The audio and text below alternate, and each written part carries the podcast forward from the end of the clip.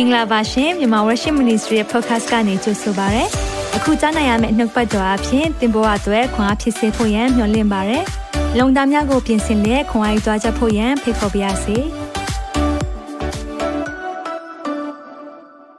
အားလုံးပဲမင်္ဂလာပါဖျားရှင်နာမ၌အားလုံးကိုဖိတ်ခေါ်ရဲဆိုတော့အားလုံးကိုကြိုဆိုရဲအချိန်ကြီးရဲ့အားလုံးရဲ့အထက်မှာ ငြိမ်းချမ်းခြင်းသခင်ကိုပဲနေရာပေးအောင်ဟာလေလုယာဒီနေ့ငြိမ်းချမ်းခြင်းသခင်ကနေရာယူမှသာစစ်မှန်သောညီသက်ခြင်းရှိမှဖြစ်တယ်အခုချိန်မှာကျွန်တော်တို့မျော်လင့်နေတဲ့ညီသက်ခြင်းဆိုတာတကယ်တော့စစ်မှန်တဲ့ညီသက်ခြင်းဖြစ်ဖို့လိုတယ်အာမင်အဲ့ဒီစစ်စစ်မှန်တဲ့ညီသက်ခြင်းကတော့ကျွန်တော်တို့ရဲ့နှလုံးသားထဲမှာသခင်ကနေရာယူတဲ့အချိန်မှာဖြစ်လာတဲ့အရာဖြစ်တယ်ဆိုတော့ဒီညမှာလည်းကျွန်တော်နှုတ်ပတ်တော်ပြင်ဆင်ထားပါတယ်ကျွန်တော်တို့နှုတ်ပတ်တော်ဒီ freedom from fear ပေါ့နော်ကျွန်တော်တို့ ကြောက်ရွံ့ခြင်းမှာလွတ်မြောက်ခြင်းဆိုတဲ့အရာအဖြစ်ခုဖြစ်နေတဲ့အခြေအနေတွေပုံမှန်တော့၎င်းတချို့တွေအာ message တွေပို့လာတဲ့အရာပုံမှန်၎င်းကျွန်တော်ခွန်အားပေးခြင်းဖြစ်တယ်တချို့ကပြောလာတယ်ညအိတ်တာတော့မှမလုံခြုံဘူးလို့ခံစားနေရတယ်တဲ့မှန်တယ်ဒီအခြေအနေမှာတော့เนาะဒီနေ့ဘုရားရဲ့ကွယ်ကာခြင်းနဲ့မဆာခြင်းအတွက်ကျွန်တော်အထူးဆုတောင်းဖို့လိုတယ်အဲကြောင့်မလို့မိတ်ဆွေ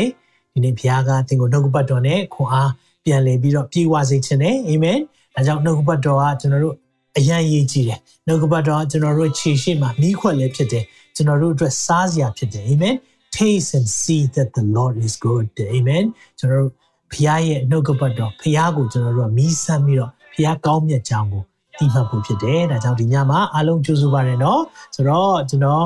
ဒီမှာတွေ့နေရပါတယ်။ဒီနေ့ Global Church နော်ဒီနေ့အသင်းတော်ဆိုတာကကျွန်တော်တို့အခု ဆိုးရတဲ့အခြေအနေတွေမှာเนาะ covid ကြောင့်တော့၎င်းနိုင်ငံရေးမငြိမ်သက်တဲ့အခြေအနေတွေမှာပိတ်ထားရတယ်ဒါပေမဲ့ဖခင်เจ้าမဲ့ပိတ်လို့ရမယ်အသင်းတော်တော့ပိတ်မသွားအောင်ဟာလေလုယာခရစ်တော်ဦးကောင်းဖြစ်တဲ့နေရာမှာအရာအားလုံးအခုဆုံတွေ့တာဒါအသင်းတော်ဖြစ်တယ်ဒါကြောင့်မလို့မိတ်ဆွေကိုဒီနေ့မြန်မာ worship ကနေအားလုံးကိုကြိုဆိုတယ်မြန်မာလူမျိုးများ worship လုပ်လို့ရတဲ့နေရာဖြစ်တယ် hallelujah အဲကြောင့်မလို့ဒီနေ့ညမှာလည်းအသက်ရှင်တဲ့ Tower ပြိုင်နှုတ်ပတ်တော်အဖြစ်ကျွန်တော်ပြန်လည်၍ခွန်အားယူရအောင်ဒီနေ့ပြောမယ့်နှုတ်ပတ်တော်ဟာ တကိုးပါတဲ့စိတ် power spirit of power ဆိုတာတကယ်ကိုကျွန်တော်လိုအပ်တဲ့အရာဖြစ်တယ်ဒါကြောင့်မလို့အားလုံးကိုဒီနေ့ညမှာပြန်လည်ဆုံတွေ့ခွင့်ရလို့ကျေးဇူးတင်တယ်လို့အားလုံးပြန်လည်ကြိုဆိုတယ်နော်ကျွန်တော်တို့နှုတ်ပတ်တော်မခံယူခင်မှာထုံးစံတိုင်းပဲကျွန်တော်တို့နှုတ်ကပတ်တော်အတွက်ကိုဝန်ခံရအောင်အာမင်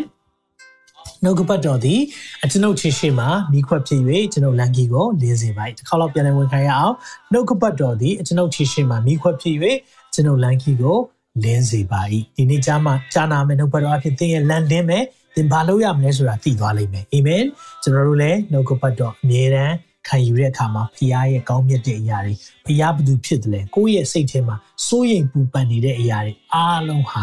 ပျောက်သွားပြီးတော့ဖခင်ရဲ့ကြီးမြတ်ခြင်းဟာပြန်လည်နေရာနေရာယူသွားတယ်။အဲကြောင့်မိတ်ဆွေဒီနေ့မှာနော်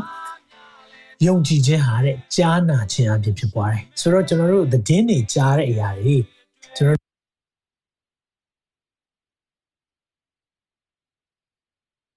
အဲ့ဒီမြင်တဲ့အရာတွေကျွန်တော်တို့ရဲ့ယုံကြည်ခြင်းကိုဆွဲချသွားတတ်တယ်။အဲကြောင့်ယုံကြည်ခြင်းဆိုတာဘုရားကကျမ်းစာထဲမှာဒိုင်းလွှားအနေနဲ့ကျွန်တော်တို့ကိုပြောပြထားတယ်။ဒိုင်းလွှားဆိုတဲ့အရာကယုံကြည်ခြင်းကဒိုင်းလွှားနဲ့တူတယ်ဆိုတာညှောက်ထားဖို့လိုတာ။ဒါကြောင့်မလို့ကင်ထားဖို့လိုတယ်။ယုံကြည်ခြင်းကိုအမြဲတမ်းချလို့မရအောင်။အဲ့ဒီယုံကြည်ခြင်းချမိသွားပြီဆိုရင်တော့တင့်ကိုမာနပြစ်ခတ်လာတဲ့မိဆက်လက်တွေက ထိခိုက်သွားနိုင်တယ်။ဒါကြောင့်ကျွန်တော်တို့ကယုံကြည်ခြင်းဒိုင်းလွှားကိုမြင်ထားရအောင်။အခုအားလုံးလည်းယုံကြည်ခြင်းတွေဒိုင်းလွှားတွေကင်ဆွဲထားတယ်ဆိုတာကိုမမေ့ပါနဲ့။အားလုံးเนาะကျွန်တော်ရှိတဲ့လူတွေအားလုံးဟာယုံကြည်ခြင်းတိုင်းလောက်အတူတကွကင်ထားမယ်မြောက်ထားမယ်ဆိုရင်တော့လုံခြုံနိုင်မယ်အာမင်ဒါကြောင့်မလို့ဒီနေ့နှုတ်ကပတ်တော်အတွက်ဘုရားလက်ဝင်နိုင်ခဏလောက်အနံ့ရအောင်ကျွန်တော်ရဲ့အစီအစဉ်တွေပေါ့နော်ကျွန်တော်ရဲ့စက်ပစ္စည်းမှာစာရွေးအရာအားလုံးဘုရားလက်ဝင်နိုင်အနံ့ရအောင် အသက်ရှင်သောထာဝရမြတ်စွာသောဘုရားသခင်နာမတော်ကိုချီးမွမ်းပါ၏ဒီညမှာလည်းပြန်လည်၍စုံတွေ့ခွင့်ပေးတဲ့ဘုရားရှင်နာမတော်ချီးမွမ်းပါတယ်ဒီညမှာကိုတော့ကျွန်တော်တို့ကိုကြောက်တတ်တဲ့သဘောမပေးဘူးတကိုးပါတဲ့စိတ်ချစ်တတ်တဲ့စိတ်ရှင်းလင်းတဲ့စိတ်ပေးတယ်။အဲကြောင့်ဒီနေ့မှာတကိုးပါတဲ့အခွင့်ကိုအရှင်သောဝိညာဉ်တော်ဖျားကိုရထံမှာတောင်းခံပါတယ်။အနောက်ရှက်ပေးမဲ့ဝိညာဉ်စိုးလို့ရဲ့အားလုံးနာဇင်မြတ်ယေရှုနာမနဲ့ဖယ်ရှားတယ်။ဒီညမှာကိုရဖျားရဲ့ တန်ရှင်းသောဝိညာဉ်တော်ဖျားပြောတဲ့အရာဖွင့်ပြတဲ့နှုတ်ပတ်တော်အဖြစ်ကျွန်တော်တို့အသက်တာမှာလိုအပ်တဲ့အရာအားလုံးကိုကိုရဖျားရှင်ပေးပါတောင်းခံပါတယ်။တောင်းကြတဲ့များအကူအညီတောင်းပါတယ်။ Any fighting angel များဒီမိခေလာနဲ့တက်များကိုလည်းယေရှုနာမနဲ့အကူအညီတောင်းပါတယ်အနောက်ရှက်ပေးနေတဲ့ဝိညာဉ်ဆိုးရဲ့လို့ရအားလုံးဝဝိညာဉ်ဆိုးဒီနေ့ကျွန်တော်နှုတ်ပတ်တော်နားမလည်စေအောင်လုပ်မဲ့အရာစိတ်ဝင်စားစေအောင်လုပ်မဲ့အရာနဲ့ရှုပ်ထွေးမှုဖြစ်စေမဲ့အရာအလုံးယေရှုနာမအဖြစ်ဖယ်ရှားတယ် အလိုတော်ဟာကောင်းကင်ဘုံမှာပြည့်စုံခဲ့သောဉာဏ်နှုတ်ပတ်တော်ခံယူတဲ့သားမိအကြီးဆုံးမှအငယ်ဆုံးတိုင်းပြည့်စုံပါစေမြတ်တော်မူတဲ့သခင်ရှုနာမ၌စက္ကန့်နဲ့ဆုတောင်းပါ၏အာမင်အာမင်မိတ်ဆွေအားလုံးကိုဒီနေ့မှာပြန်လဲကြိုဆိုတဲ့2021ကကျွန်တော်တို့မျှော်လင့်ထားတဲ့အတိုင်းဟုတ်ချင်မှဟုတ်မယ်မမျှော်လင့်ထားတဲ့အရာတွေဖြစ်ပေမဲ့မမေ့ပါနဲ့ကျွန်တော်တို့ရဲ့ဆောင်ပုဒ်ကိုမမေ့ပါနဲ့ရည်ရွယ်ချက်ရှိစွာဖြင့်အသက်ရှင်သောနှစ်ဖြစ်တယ်ဆိုတဲ့အရာကိုမမေ့ပါနဲ့ဒီနေ့ ဘုရားကျွန်တော်တို့ကိုဒီနှုတ်ပတ်တော်နဲ့နှစ်ဆကလေးကပေးထားပြီးသားဖြစ်တယ်ကောင်းသောသူရဲ့ခြေရာတို့ကိုထာဝရဘုရားသည်ပဲ့ပြင်၍သူသားရလံကိုသူသွားရလံကိုနှစ်သက်တော်မူ၏ထိုသူသည်လဲတော်လဲဆုံးရသူမရောက်ရအကြောင်းမူကားထာဝရဘုရားသည်သင်လက်ကိုဆောင်မကင်မတော်မူ၏တဲ့အာမင်အကြောင်းမလို့ကျွန်တော်တို့ကိုဘုရားကလက်ကင်မထားပေးတယ်ဆိုတဲ့အရာကိုမမေ့ပါနဲ့ထိုသူသည်လဲတော်လဲလဲခဲ့မယ်ဆိုရင်တောင်မှ တိုင်မနေတယ်အာမင်ခွန်အားပေးခြင်းနဲ့တချို့လူတွေငါလဲသွားပြီးမထတော့ဘူးမလုပ်ပါနဲ့ဘုရားကပြောတယ်လဲသွားခဲ့မယ်ဆိုရင်တောင်မှတိုင်မဖို့ရလို့ရရှိတယ်အာမင်ဘုရားတိုင်မပြီးမယ်ဒါကြောင့်ဒီနေ့ညမှာ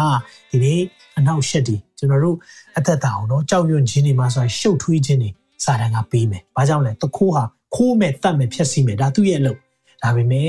ခရစ်တော်ကဘာပြောလဲငါမူကားသူတို့သည်အသက်လွတ်ယုံမြမကနော်ကယ်ရင်ချင်းရဖို့ပဲမဟုတ် အထူးသဖြင့်အသက်နဲ့ပြည့်စုံဖို့ abundant life အကဲကိုကြွယ်ဝတဲ့အသက်တာဒီနေ့ကျွန်တော်လိုချင်တဲ့အရာကနော်စိတ်နှလုံးသားကောင်းစားတကယ်တို့အရာရာမှာကောင်းစားဖို့အာမင်အဲကြောင့်ဒီနှုတ်ပတ်တော်အဖြစ်တစ်ဖန်ပြန်လဲပြီးခွာယူရအောင်ကျွန်တော်တို့ဒီရဲ့ series ကတော့ freedom from fear ကြောက်ရွံ့ခြင်းမှာလွတ်မြောက်ခြင်းတို့ဆိုတဲ့ series ဖြစ်ပါတယ်ကြောက်ရွံ့နေတဲ့သူတွေအခုချိန်မှာစိုးရိမ်နေတဲ့သူတွေအများကြီးရှိတယ်မစိုးရိမ်မဲနေမလားနော်မကြောက်ရွံ့မဲနေမလားကျွန်တော်တို့ရဲ့ လက်ရှိကြုံတွေ့နေရတဲ့အခြေအနေမှာကြည့်တဲ့အခါမှာကြောက်ရွံ့ခြင်းကိုဖြစ်စေတယ်ဒါပေမဲ့ဘုရားရဲ့နှုတ်ဘတ်တော်ကကျွန်တော်တို့ကိုစကားပြောတယ်ကျွန်တော်တို့ကိုအာဒီနေ့မှာပြန်လဲပြီးတော့ခွန်အားပေးနေတယ်အဲ့ဒါပါလေနှစ်တီတစ်ခွန်ကျွန်တော်ရကြမယ်လို့ထင်ပါတယ်เนาะအကြောင်းမူကားအတူတူကဆိုကြည့်အောင်တစ်နှစ်သုံးအကြောင်းမူကားဘုရားသခင်သည်ကြောက်တတ်သောစိတ်တော်ကိုငါတို့အားပေးတော်မူသည်မဟုတ်တကိုးပါသောစိတ်ချစ်တတ်သောစိတ်ရှင်းလင်းသောစိတ်တော်ကို ပေးတော်မူ၏အာမင်တစ်ခေါက်လောက်ပြန်လေဆိုရအောင်အကြောင်းမူကားဘုရားသခင်သည်ကြောက်တတ်သောစိတ်တော်ကိုငါတို့အားပေးတော်မူသည်မဟုတ်တကိုးပါသောစိတ်ချစ်တတ်သောစိတ်ရှင်းလင်းသောစိတ်တော်ကိုပေးတော်မူ၏အာမင်ဆိုတော့ဒီထဲကနေကျွန်တော်ကဘာအကြောင်းကိုဒီညမှာပြောပြချင်လဲဆိုတော့ကျွန်တော်တို့ဒီရဲ့ series ကနံပါတ်5ပေါ့နော်အပိုင်း5ဖြစ်သွားပြီဆိုတော့တကူပါတဲ့စိတ်အကြောင်းပြောမယ် နောက်သင်ခန်းစာမှာရှင်းလင်းချစ်တတ်တဲ့စိတ်အကြောင်းပြောမယ်နောက်ဆုံးသင်ခန်းစာမှာတော့ရှင်းလင်းတဲ့စိတ်အကြောင်းကျွန်တော်ဒီရဲ့၃ပိုင်းပြောပြီးတော့ဒီရဲ့ series ကိုကျွန်တော်အဆုံးသတ်မှာဖြစ်တယ်အဲဒါကြောင့်ဒီနေ့ည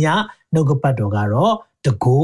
ပါသောစိတ်တဲ့တကူပါသောစိတ် the spirit of power တကူပေါ့နော် power လို့သုံးထားတယ်ဆိုတော့ဒီ power နဲ့ပတ်သက်ပြီးတော့ကျွန်တော်တို့ယုံကြည်သူတွေကိုဘုရားကတကူပါတဲ့စိတ်နဲ့တကူပေးပြီးသား ငါတင်ယုံကြည်သူဖြစ်ပြီဆိုတကိုးပေးပြီးသားသို့တော့အဲ့တကိုးကိုကျွန်တော်တို့ကတစ်ခါလေမှာမသိတာရဲ့အသုံးမပြုတတ်တာရဲ့ဒါကြောင့်မလို့ကျွန်တော်ယုံကြည်သူရဲ့အသက်တာမှာဆုံးရှုံးမှုတွေမြောက်များစွာကြုံတွေ့ရတယ်ဆိုတော့ကျွန်တော်အမှုတော်ဆောင်တယောက်ရဲ့အကြောင်းနဲ့ပတ်သက်ပြီးတော့အာဒါလေးနဲ့ပတ်သက်ပြီးတော့ကျွန်တော်အစပြောပြချင်ပေါ့နော်ဆိုတော့ဒီမှုတော်ဆောင်ကတော့ missionary ဆိုတော့သူတို့ကဒီ mission လုပ်ငန်းတွေလုပ်တော့သူကနှစ်အလိုက်ပေါ့နော်နှစ်လိုက်ကိုသူတို့က တာဝန်ကျတဲ့ကာလသတ်မှတ်ထားတာပေါ့နော်ဆိုတော့နယ်တစ်ခုမှာသူကသွားရတယ်ဆိုရင်သူကနှစ်နှစ်ပြီးရင်နောက်တယောက်လာတယ်ပေါ့နော်အဲ့လိုမျိုးအလှည့်ကျစနစ်နဲ့သွားတဲ့အမှုတော်ဆောင်အဲဒီလုပ်ငန်းတစ်ခုထဲမှာဒီဆရာတယောက်ကပါဝင်နေတယ်အဲ့ဒါနဲ့သူရောက်တဲ့အချိန်မှာသူ့ကိုဒီ mission လုပ်ငန်းမှာသုံးဖို့ဆိုပြီးတော့ကားတစ်စီးပေးထားတယ်ဒါပေမဲ့အဲ့ကားက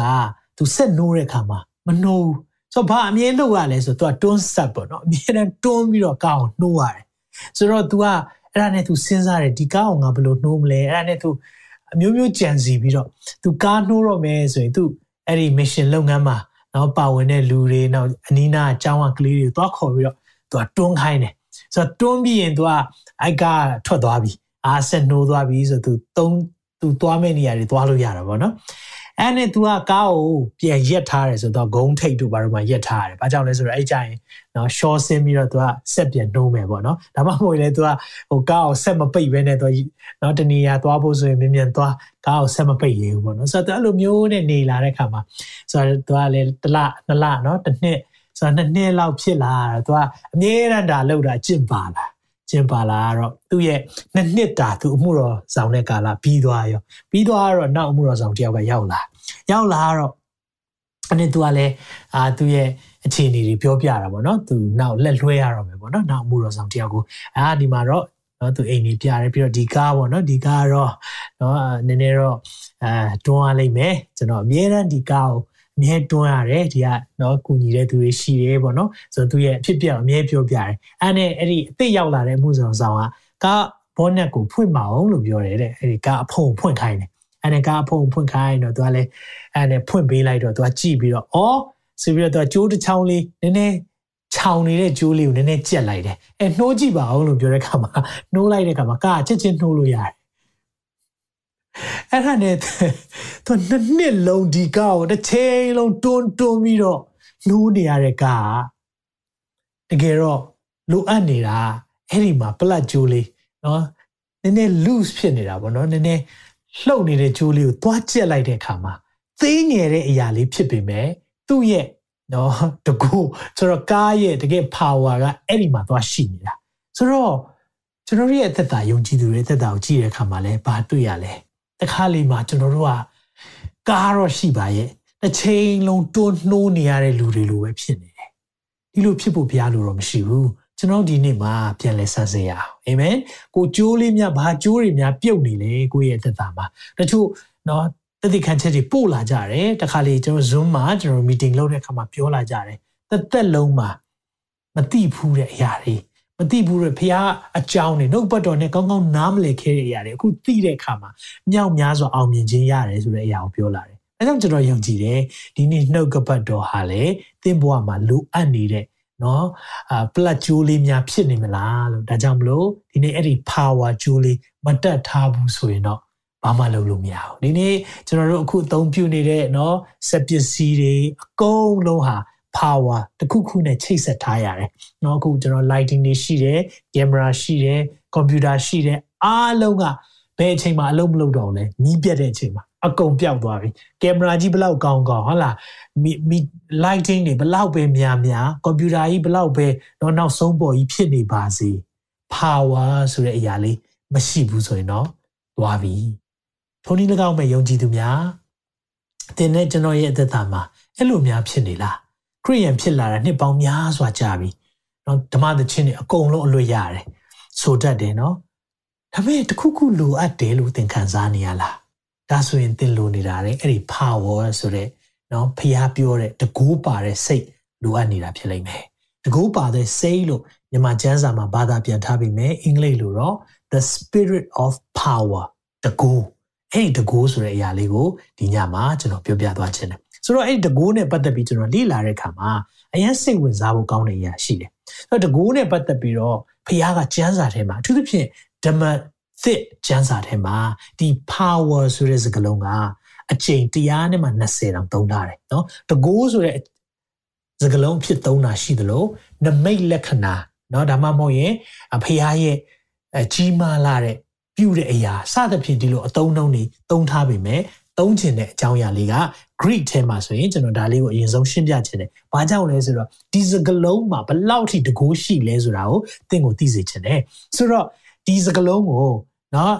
Greek မှာလေ့လာတဲ့အခါမှာ dunamis dunamis လို့သုံးတယ်။ဆိုတော့အဲ့ဒီ dunamis ကဘယ်ကလာလဲဆိုတော့ dynamite ဆိုတဲ့စကားလုံးကအဲ့ဒီ dunamis ကလာတယ်။ ဆိုတော့အဲ့ dynamite ကိုတချို့တွေ့ဖူးချင်မှတွေ့ဖူးမယ်။ဗျောက်အိုးတော့တွေ့ဖူးလိမ့်မယ်နော်။ဗျောက်အိုးသေးသေးလေးဖောက်လိုက်တဲ့အခါမှာနားတွေပါတွေဥထွက်သွားတယ်။နော်ဒါမှမဟုတ်ရင်ကျွန်တော်ငယ်တော့ဆိုဗျောက်အိုးဆော့တဲ့အခါမှာလက်ထဲမှာပေါက်သွားရင်လက်တွေနာလိုက်တာအယမ်းကိုခံစားရတယ်ဒါပေမဲ့ dynamite ကိုじゃလက်ကကင်လို့မရအောင်အကုန်လုံးပြတ်ထွက်သွားမှာဆိုတော့ dynamite ဆိုတဲ့အရာကဘယ်မှာသုံးလဲဆိုတော့တောင်တွေဖြိုချခြင်းတဲ့အချိန်เนาะလမ်းဖောက်တဲ့အချိန်မှာကြောက်တောင်တွေတွေ့ပြီဆိုရင်မိုင်းခွဲတယ်ပေါ့ဗျာမိုင်း နော် dynamite လုပ်တယ်အဆောက်အအုံကြီးကြီးတွေဖျက်ခြင်းတယ်အဆောက်အအုံကြီးတွေဖျက်ခြင်းတယ်ဆိုရင် dynamite ကိုသုံးတယ်နောက်ပြီးရင်အချမ်းဖက်သမားတွေကနော်တကူကူကိုဖျက်လို့ဖျက်စီလှုပ်ချင်နေဆိုရင်တော့ dynamite ကိုသုံးတယ်ဆိုရုပ်ရှင်ဇာတ်လမ်းတွေထဲမှာနော်အာမင်းသားကနော်အဲ့ဒီရဲ့လူဆိုးစခန်းကိုသွားပြီးတော့ဖောက်ခွဲလိုက်တယ်စသဖြင့်ဆိုရင် dynamite ကိုသုံးတယ်ဆိုတော့ကျွန်တော်တို့ကိုတကိုးပါတဲ့စိတ်လို့ပြောတဲ့အရာအဲ့ဒီ dynamite လို့ပဲတကယ်ကိုစွန့်အားကြီးတဲ့အရာဖြစ်တယ် ဆိုတော့ဒါကြောင့်ဒီနေ့ညမှာကျွန်တော်မိတ်ဆွေများကိုခွန်အားပေးချင်တာကအဲ့ဒီတကိုးဆိုတာပါလေနော်အဲ့ဒီ dunamis ဆိုတဲ့ dynamite လို့ power ဘာကြောင့်ကျွန်တော်တို့ယုံကြည်သူတွေရဲ့အသက်တာမှာလိုအပ်တာလဲဘာကြောင့်ကျွန်တော်တို့ရှိဖို့နော်လိုတာလဲဒါတွေကိုကျွန်တော်တို့လေ့လာသွားရအောင်အာမင်အဲကြောင့်မလို့ကျွန်တော်တို့ဒီနေ့မှာနော်စင်ကြင်ရအောင်ကိုယ့်ရဲ့သက်တာနော်ကိုယ့်ရဲ့ကားအဖုံးလေးကိုဖွင့်ပြီးတော့ဘာကြိုးများပြုတ်နေလဲ ကြည်ရအောင်အာမင်နောက်ဆက်ပြီးတော့ကျွန်တော်တို့နှုတ်ပတ်တော်နဲ့ကြည်ရအောင် the power of the holy spirit ခုနကျွန်တော်တို့ပြောတဲ့ dynamite ဆိုတာတခြား power မဟုတ်ဘူးတခြားတကူမဟုတ်ဘူးတန်ရှင်သောဝိညာဉ်တော်ရဲ့တကူတော်ဖြစ်တယ်ဟာလေလုယာအဲ့ဒီတန်ရှင်သောဝိညာဉ်တော်ရဲ့တကူကြီးခြင်းအကြောင်းကိုကျွန်တော်ပထမအဦးဆုံးအနေနဲ့အရင်ဆုံးပြောပြခြင်းတယ်ခုနပြောတဲ့နော် dynamite dynamite လိုပဲပြင်းတဲ့ power ကဘယ်ကနေလာလဲ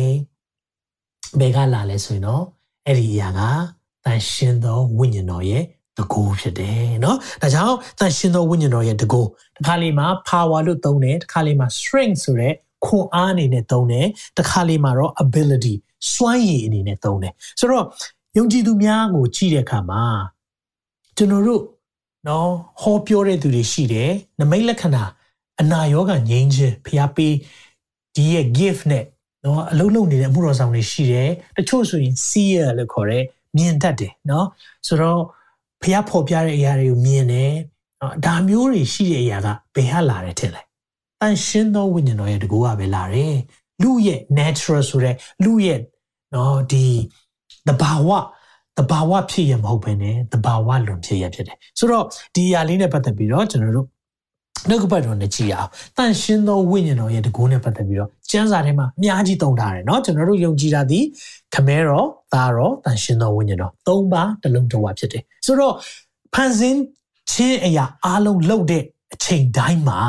တခုသိဖို့ကဘာလဲဆိုတော့တန်ရှင်းသောဝိညာဉ်တော်ရဲ့အခန်းကဏ္ဍကြီးမားစွာပါတယ်နော်ခမဲတော်ကဘာနဲ့တူလဲဆိုတော့ဘိသုကာနဲ့တူတယ်သူကြံစီထားတဲ့အရာတွေအဲ့ဒါကိုဖြစ်စေလို့ပြောလိုက်တယ်အဲ့ဒါကစကလုံးဟာနော် the word of god the word of god ကဘာလို့လဲယေရှုကိုပုံဆောင်တယ်နော်ပြီးရင်တကယ်တမ်းဖြစ်ဖို့ရန်အတွက်လှုပ်ဆောင်ပေးတဲ့အရာကတခြားသူမဟုတ်ဘူးတန်ရှင်သောဝိညာဉ်တော်ဖြစ်တယ်ဒါကြောင့်မလို့တန်ရှင်သောဝိညာဉ်တော်ကိုကျမ်းစာထဲမှာကျွန်တော်တို့မြင်တွေ့တဲ့အခါမှာကပ္ပဦးကျမ်းတစ်ကလေးကနေကျမ်းတမန်ကျမ်းစာမှာကျွန်တော်တွေ့ရတယ်နော်အစအဦး၌ဖျားသခင်ဒီအဲ့ဒီဖျားသခင်ဆိုတဲ့စကားလုံးကအများကိန်းဖြစ်တယ်နော်အော်ဖို့ကောင်းတယ်အများကိန်းနော်ဆိုတော့ အစဦး၌ဖျားသခင်ဒီကောင်းကင်ရဲ့မြေကြီးကိုဖန်ဆင်းတော်မူ၏မြေကြီးသည်အစင်းတရမရှိလွတ်လပ်လာဖြစ်၏နည်းနည်းရအရန်တကိုမှောင်မိုက်ဖုံးလန်း၍ဘုရားသခင်ဤဝိညာဉ်တော်သည်ရေမျက်နှာပြင်ပေါ်မှာလှုပ်ရှားတယ်ကြည်အောင်တော့ဆိုတော့အဲ့ဒီမှာကလေးကတန်ရှင်းသောဝိညာဉ်တော်ဟာသူ့ရဲ့အခန်းကဏ္ဍဖန်ဆင်းခြင်းတွေမှာသူပါဝင်တယ်ဆိုဖန်ဆင်းတဲ့အရာအားလုံးကိုကြည့်တဲ့အခါမှာဝိညာဉ်တော်အဖြစ်ဖြစ်တယ်လို့ကျမ်းစာထဲမှာပြောတယ်ယောဘထဲမှာဗာတွေ့ရလဲယောဘ26အငယ်73မှာ ဝိညာဉ်တော်အားဖြင့်မိုးကောင်းကင်တစားများကိုပြင်တယ်တဲ့တွေ့လားမိုးကောင်းကင်မှာရှိတဲ့အရာအားလုံးကိုဝိညာဉ်တော်အားဖြင့်ပြင်တယ်ဆိုတဲ့အရာတွေ့ရပြီးတော့လျင်မြန်သောငကားကိုလည်းဖန်ဆင်းတော်မူ၏တဲ့အရာအားလုံးကိုကြည့်တဲ့အခါမှာဝိညာဉ်တော်အားဖြင့်လှုပ်ဆောင်တဲ့အရာတွေကိုကျွန်တော်တို့တွေ့ရတယ်။အဲကြောင့်ကျွန်တော်တို့ရဲ့အရာအားလုံးကြည့်တဲ့အခါမှာနော်ဘုရားကကျွန်တော်တို့ကိုဘာတွေ့စေချင်လဲဆိုတော့ဒီမှာ တန်ရှင်သောဝိညာဉ်တော်ရဲ့အခန်းကဏ္ဍနဲ့တန်ရှင်သောဝိညာဉ်တော်ရဲ့လှုပ်ရှားမှုတွေကိုကျွန်တော်တို့ကိုတွေးစေချင်တယ်။အဲကြောင့်တန်ရှင်သောဝိညာဉ်တော်ရဲ့တကူကသိကြည့်တယ်။တန်ရှင်သောဝိညာဉ်တော်နဲ့ပတ်သက်ပြီးတော့ကျွန်တော်အပိုင်းခုနှစ်ပိုင်းဟောပြီးပါပြီ။အဲ့ဒီမှာတန်ရှင်သောဝိညာဉ်တော်ဘာလို့လဲ။တန်ရှင်သောဝိညာဉ်တော်ဘာလုပ်တတ်တယ်လဲ။ဘလို့အစွမ်းစားရှိလဲဆိုတဲ့အရာတွေကိုကျွန်တော်တွေ့ရတယ်။တန်ရှင်သောဝိညာဉ်တော်နဲ့ပတ်သက်ပြီးတော့ကြီးမားသောနော်မြင်တွေ့ရတဲ့အရာတစ်ခုရှိတယ်။အဲ့ဒါဘာလဲဆိုတော့ အေရှာယ40ထဲမှာဝိညာဉ်တော်နဲ့ပတ်သက်ပြီးတော့ကျမ်းစာအများကြီးထဲမှာမှကျွန်တော်အကြိုက်ဆုံးနှုတ်ကပတ်တော်တစ်ခုကိုပြောပါဆိုရင်တော့ဒီရဲ့အာအေရှာယအနာဂတိကျမ်းအခန်းကြီး40ထဲကအကြောင်းဖြစ်တယ်အဲ့ဒါဘာလဲဆိုရင်တော့ရေများကိုလက်စွန်းဖြင့်ခြင်တော်သူမိုးကောင်းကင်ကိုမိမိလက်ဖြင့်ထွာတော်သူမြေမှုန့်ကိုတင်းတောင်ဖြင့်ချင့်တွက်တော်သူတောင်ကြီးကိုချိန်ဖွင့်လို့၎င်းတောင်ငယ်ကိုကပ်ပယ်ဖြင့်၎င်းချိန်တော်သူကအဘယ်သူနည်း သာရဖျား၏ဝိညာဉ်ကိုအဘယ်သူစစ်ကြောသည်နည်းသာရဖျားနှင့်တိုင်ပင်၍အဘယ်သူအကြံပေးသည်နည်းဒီနေ့ဒါကိုကြည့်တဲ့အခါမှာရည်များကိုလက်စွန့်ပြင်ခြင်းနဲ့တန်ရှင်သောဝိညာဉ်တော်ရဲ့တကူကြီးခြင်းကိုဒီမှာတွေ့ရတယ်။ဘာတွေ့ရလဲသလားကျွန်တော်တို့ပင်လယ်ရေတွေကျွန်တော်အများကြီးเนาะတွေ့တယ် ocean ဆိုရင်တကယ်သမုဒ္ဒရာရဲ့ရေတွေပြင်းထန်တဲ့အရာတွေ့ရတယ်ကျွန်တော်ဆူနာမီတွေမှာတွေ့ရင်ဘယ်သူမှမလွတ်နိုင်ဘူးเนาะဆိုတော့ရေရဲ့တကူကလည်းတွေ့ရတယ် ဆိုတော့မနေ့ကပဲကျွန်တော်တို့အပြားနေပြန်လာတဲ့အချိန်မှာ Queensland မှာတခုဖြစ်လေရှိတာဗာလဲဆိုတော့အဲ Queensland မှာအမြဲတမ်းဖြစ်တဲ့အရာတခုကဗာလဲဆိုရင်ဒီမိုးကြိုးမုန်တိုင်းအမြဲတမ်းဖြစ်တတ်တယ်ဆိုရာသီဥတုအရန်ပူသွားပြီးတော့ရုတ်တရက်ကြီးမှောင်မဲချလာပြီးတော့အဲ့ဒီမှာမိုးကြိုးမုန်တိုင်းဖြစ်တာဆိုတော့ ရုတ်တရက်ဟာမဲသွားပြီဆိုကျွန်တော်အိမ်ပြန်ရအောင်လို့သွားနေတော့ပဲရှိသေးတယ်နော်အဝတ်တွေတောင်လားအဖြစ်မှာလမ်းတာအဲ့နဲ့ပြန်လဲလာရောလမ်းမှာမိုးတွေရွာချထဲလိုက်တာများတခါတည်းရေကစီးဆင်းသွားတော့နော်အကုန်လုံးအာလမ်းတွေမှာရေတွေပြည့်သွားတယ်ဒါတော့မှကျွန်တော်တို့ကရေကနည်းနည်းလေးပဲနော်အခုမိနစ်ပိုင်းလောက်မိုးရွာတာပဲရှိသေးတယ်စဉ်းစားကြည့်လိုက်သမုတ်တရားတစ်ခုလုံးနော်အားလုံးရဲ့ရေတွေအားလုံး ဘလောက်ထိများတကူကြည့်မလဲဒါမဲ့လေအိတ်တန်ရှင်သောဝိညာဉ်တော်ကအဲ့ရေကိုလက်နဲ့ကင်ထားတယ်ဟာလေလုယာကြီးမြတ်တဲ့ဖျားရှင်နာမတော်ဘုန်းကြီးပါစေရေတွေကိုလက်နဲ့ကင်ထားနိုင်တယ်ပြီးရင်ဒါပဲလားဘယ်ဟုတ်မှလဲနှုတ်ပတ်တော်ကပြောလဲဆိုတော့မြေမှုန့်ကိုတင်းတောင်းတဲ့ချင့်တွက်တော်သူ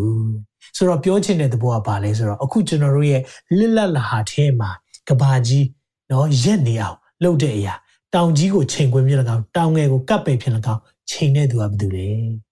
မိုးကောင်းကင်ကိုလက်နဲ့ထွာတယ်ကျွန်တော်ကောင်းကင်ကြီးလိုက်ညမှာကြီးလိုက်ကြီးကြီးပဲဒါပေမဲ့အဲ့ဒီအကြီးကြီးမိုးကောင်းကင်เนาะအခုချိန်မှာအာဒီ galaxy တွေเนาะဒီ NASA လွှတ်ထားတဲ့ဒီ Hubble ဒီမှန်ပြောင်းနဲ့သူတို့ကြည်ပြီးတော့ဓာတ်ပုံတွေအများကြီးရိုက်ထားတယ်စัจ java ကြီးကကြီးလိုက်တာသူတို့တွေဘလို့မှစัจ java ရဲ့အဆုံးကိုသွားနိုင်မှာမဟုတ်ဘူးဒါပေမဲ့အဲ့ဒီစัจ java တစ်ခုလုံးကိုလေမိုးကောင်းကြီးကိုလက်နဲ့ထွာတယ်တ န်ရှင်သောဝိညာဉ်တော်ရဲ့တကူကိုသင်နဲ့ကျွန်တော်မြင်တွေ့စေခြင်းတယ်အဲ့ဒီတန်ရှင်သောဝိညာဉ်တော်ကိုလေကျွန်တော်တို့ကရထားတာအဲကြောင့်မိတ်ဆွေနဲ့ကျွန်တော်ဘဝမှာဘာကြောင့်များအဲ့ဒီရဲ့နော်မကြော်လွှားနိုင်တဲ့အခက်အခဲတွေရှိနေရတာလေကျွန်တော်တို့ plat ကြိုးပြုတ်နေတာဖြစ်လိမ့်မယ်ကျွန်တော်အဲ့ဒီ power ဆိုတဲ့ဒီရဲ့နော် power ကြိုးပြုတ်နေတာအများဖြစ်နေမလားဒီနေ့မှာကျွန်တော်ပြန်လဲဆန်းစစ်ရအောင်ကိုယ့်ရဲ့ယုံကြည်ခြင်းတွေကိုယ့်ရဲ့ ယုံကြည်သူဘဝအသက်တာမှာဘာကြောင့်အောင်မြင်တဲ့အရာတွေမအောင်မြင်တာလဲဒီနေ့ပြန်စဉ်းစားရအောင်ကျွန်တော်တို့တစ်ခုခုပြုတ်နေတာဖြစ်နိုင်တယ်ဒါကြောင့်ကျွန်တော်တို့ဒီအရာနဲ့သွားဖို့လိုတယ်ဟာလေလုယာအဲကြောင့်ကျွန်တော်ဒီရဲ့တန်ရှင်းသောဝိညာဉ်တော်ရဲ့တကူကိုပြောတာဖြစ်တယ်ဆိုတာအရင်ဆုံးပြောပြချင်တယ်ဆိုတော့တန်ရှင်းသောဝိညာဉ်တော်အလုံးလုံးတဲ့ပုံလေးတွေကိုကျွန်တော်ဆက်ပြီးတော့လေ့လာရအောင်နော်ဆိုတော့ကျွန်တော်တို့ကိုတဲ့တကူပါတဲ့စိတ်ပေးထားတယ် ဆိုတော့အခုဒါကဒီတိမောသေကိုရှင်ပေါလုကပြောထားတာတကူပါတဲ့စိတ်မင်းကိုပေးထားတယ်ဖခင်ကမကြောက်နဲ့ဒါယုံကြည်သူအားလုံးကိုပြောတာဖြစ်တယ်ဒါပေမဲ့ဓမ္မဟောင်းကာလတုန်းကတန်ရှင်းသောဝိညာဉ်တော်ရဲ့အလုံးလုံးပေါ်မတူဘူးဆိုတော့ဓမ္မဟောင်းကာလမှာကြတော့ तू ကတန်ရှင်းသောဝိညာဉ်တော်က तू အလုံးလုံးစေခြင်းတဲ့သူတွေအပေါ်မှာခဏပဲတက်ရောက်တယ်ပြန်ပြောမယ်နော်ဓမ္မဟောင်းကာလမှာတန်ရှင်းသောဝိညာဉ်တော်က तू အလုံးလုံးစေခြင်းတဲ့သူ तू နဲ့အလုံးလုံးမဲ့သူပေါ်မှာခိတ္တခဏပဲတက်ရောက်တယ် ပြီးရင် तू ကအလုံးလုံးပြီးသွားပြီဆိုရင်အဲ့ဒီဘူးလူဘွားနေပြန်ပြီးတော့ထွက်ခွာသွားတယ်။ဒီရောက်ကျမ်းစာထဲမှာအမြဲတမ်းတွေ့ရတယ်။ဆိုတော့ကျွန်တော်ဥပမာတချို့ပေးခြင်းနဲ့ဓမ္မဟောင်းကာလမှာတန်ရှင်းသောဝိညာဉ်တော်ရဲ့အလုံးလုံးတဲ့အရာမတူဆိုတော့ဒီမှာဓမ္မရောက်စဉ်ပထမဆုံးအခန်းကြီး16မှာဗာတွေ့ရလဲဆိုရင်တော့ဒါဝိကိုဘာလုပ်တာလဲဆိုတော့ဒါဝိကိုသူကဗိတ်သိက်ပြီးတဲ့ခန်းလေးကိုတွေ့ရတယ်အဲ့ဒီမှာရှမွေလာသည်လဲစီဘူးကိုယူ၍သူဤအကို ဇုထဲမှာနော်ဆိုတော့သူအကိုတွေအများကြီးထဲကနေထုတ်ပြီးတော့သူ့ကိုဗိတ်သိက်ပေးလေထိုနေ့မှစပြီးဖျားထာဝရဖျားဤဝိညာဉ်တော်အဲ့ဒါတန်ရှင်းသောဝိညာဉ်တော်ရည်ညွှန်းတာဖြစ်တယ်နော်တချို့ကျမ်းစာထဲမှာဆိုရင်အဲတချို့သမထထဲမှာဆိုရင်ခရစ်တော်ဤဝိညာဉ်လို့လည်းသုံးတယ်။တန်ရှင်သောဝိညာဉ်တော်ကိုသုံးသုံးနှုံတဲ့အသုံးနှုံတွေကိုပြောပြတာဖြစ်တယ်။ဒါမဲ့ဒါတန်ရှင်သောဝိညာဉ်တော်ဖျားကိုပြောတာပဲဖြစ်တယ်။ထိုနေ့မှစပြီးသာရဖျားဤဝိညာဉ်တော်သည် ဒါဝိအပေါ်မှာတက်ရောက်တယ်။အဲ့ဒီနေ့မှာတက်ရောက်ပြီလို့ပြောတယ်။ဆိုတော့ထိုနည်း၎င်းမဲ့ကျွန်တော်တို့တရားသူကြီးမတ်စာ14ထဲမှာ15ထဲမှာကြည့်တဲ့အခါမှာရှန်ဆုံကိုကြည့်တဲ့အခါမှာလေအဲ့ဒီရှန်ဆုံကိုထာဝရဘုရားဝိညာဉ်တော်ဒီသူ့အပေါ်မှာတက်ရောက်တယ်ဆိုတော့ तू ကဖျားဝိညာဉ်တော်တက်ရောက်တဲ့အချိန်ကြာမှပဲတကူကြည့်သွားတာဖျားဝိညာဉ်တော်တက်ရောက်တဲ့အချိန်ကြာမှပဲ तू ကလှုပ်ဆောင်နိုင်တာတွေ့လားခုန dynamite လို့ တော့ခွန်အားကြီးတဲ့အရာတွေ dynamite လို့သူကပောက်ကွဲနိုင်တဲ့အရာတွေဘယ်အချိန်မှလဲဝိညာဉ်တော်ဆင်းသက်တဲ့အချိန်ပဲအဲကြောင့်ရှန်ဆုံကဝိညာဉ်တော်သူ့ထဲမှာမရှိတော့တဲ့ခါမှာအာမန်လူပဲဖြစ်သွားတာသူဘာမှမလုပ်နိုင်တော့ဘူးတကယ်တော့နော် Nazareth Nazareth vow ဆိုတာနော် Nazareth Nazareth လူတွေလိုက်လျှောက်ရတဲ့ကျင့်ဝတ်တွေတချို့ကိုသူကငယ်ကလေးကလုပ်ခဲ့တယ်နော်အဲ့ဒီမှာအသေးကောင်နာမသွားရဘူးအရက်သေးစာမတောက်ရဘူးသပင်မညဲ့ရအောင်ဆိုတော့ဒီအရာတွေသူက တဖြည်းဖြည်းနဲ့ဖောက်ဖျက်လာတဲ့အခါမှာသူ့ထဲမှာတန်ရှင်းသောဝိညာဉ်တော်အလုံးလုံးလို့မရဘူး။ဒီနေ့ကျွန်တော်လည်းထုံးနေ၎င်းပဲဝိညာဉ်တော်တိတ်ရောက်မှဒါလေအလုံးလုံးနိုင်တယ်ဆိုတာသိဖို့လိုတယ်။ဒါပေမဲ့နော်ကျွန်တော်တို့အဲ့ဒီမှာကြည့်တဲ့အခါမှာ New Testament ကျွန်တော်ဒီဓမ္မသစ်ခေတ်ရောက်လာတဲ့အခါမှာနားလည်ဖို့တခုကပါလဲဆိုတော့ဖျားအလုံးလုံးပုံချင်းမတူတော့ဆိုတော့ဓမ္မသစ်ခေတ်ရောက်လာတဲ့အခါမှာကျွန်တော်ထူးခြားချက်လေးတခုကိုကျွန်တော်ပြခြင်းတယ် အဲ့ဒါဘာလဲဆိုတော့ဓမ္မသစ်ကာလမှာတန်ရှင်သောဝိညာဉ်တော်ရဲ့အလုံးလုံးခြင်းဘာလဲဆိုရင်သခင်ယေရှုကကျွန်တော်တို့ဒီလိုဂရုပေးထားတယ်ငါဒါကိုယောဟန်ခရစ်ဝင်ကျမ်းခန်းကြီး14အငယ်16မှာတွေ့ရတယ်ခမဲတော်ဒီတမန်တရားကိုပြတော့တမန်တရားကိုပြတယ်လို့ပြောတယ်နော်ဘသူကပေးတာလဲခမဲတော်ခမဲတော်ဒီတမန်တရားကိုဆိုတာတနည်းအားဖြင့်သခင်ယေရှုကိုပြတာနော်တမန်တရားကိုပြတော့ဝိညာဉ်တော်တီးဟူသော တပါသောဥပစ္စင်ဆရာเนาะဥပစ္စင်ဆိုတဲ့အဓိပ္ပာယ်ကိုသိကြလားမသိเนาะတချို့တွေကျွန်တော်ဒီတန်ရှင်သောဝိညာဉ်တော် series မှာတော့တစ်ခေါက်ရှင်းပြပြီးပြီဥပစ္စင်เนาะကျွန်တော်သချင်းရှိတယ်မလားဥပစ္စင်ရောက်လာပြီဟလာအင်္ဂလိပ်ဘာသာပြန်အင်္ဂလိပ်ထဲမှာကြတော့ဗာလဲ comforter ဟလာ comforter ဆိုတာနှစ်သိမ့်တဲ့သူရောက်လာပြီဆိုဒါပေမဲ့ဥပစ္စင်ရဲ့အဓိပ္ပာယ်ကနှစ်သိမ့်တဲ့သူမဟုတ်ဘူးဥပစ္စင်ရဲ့အဓိပ္ပာယ်ကလက်ဦး လက်ရင်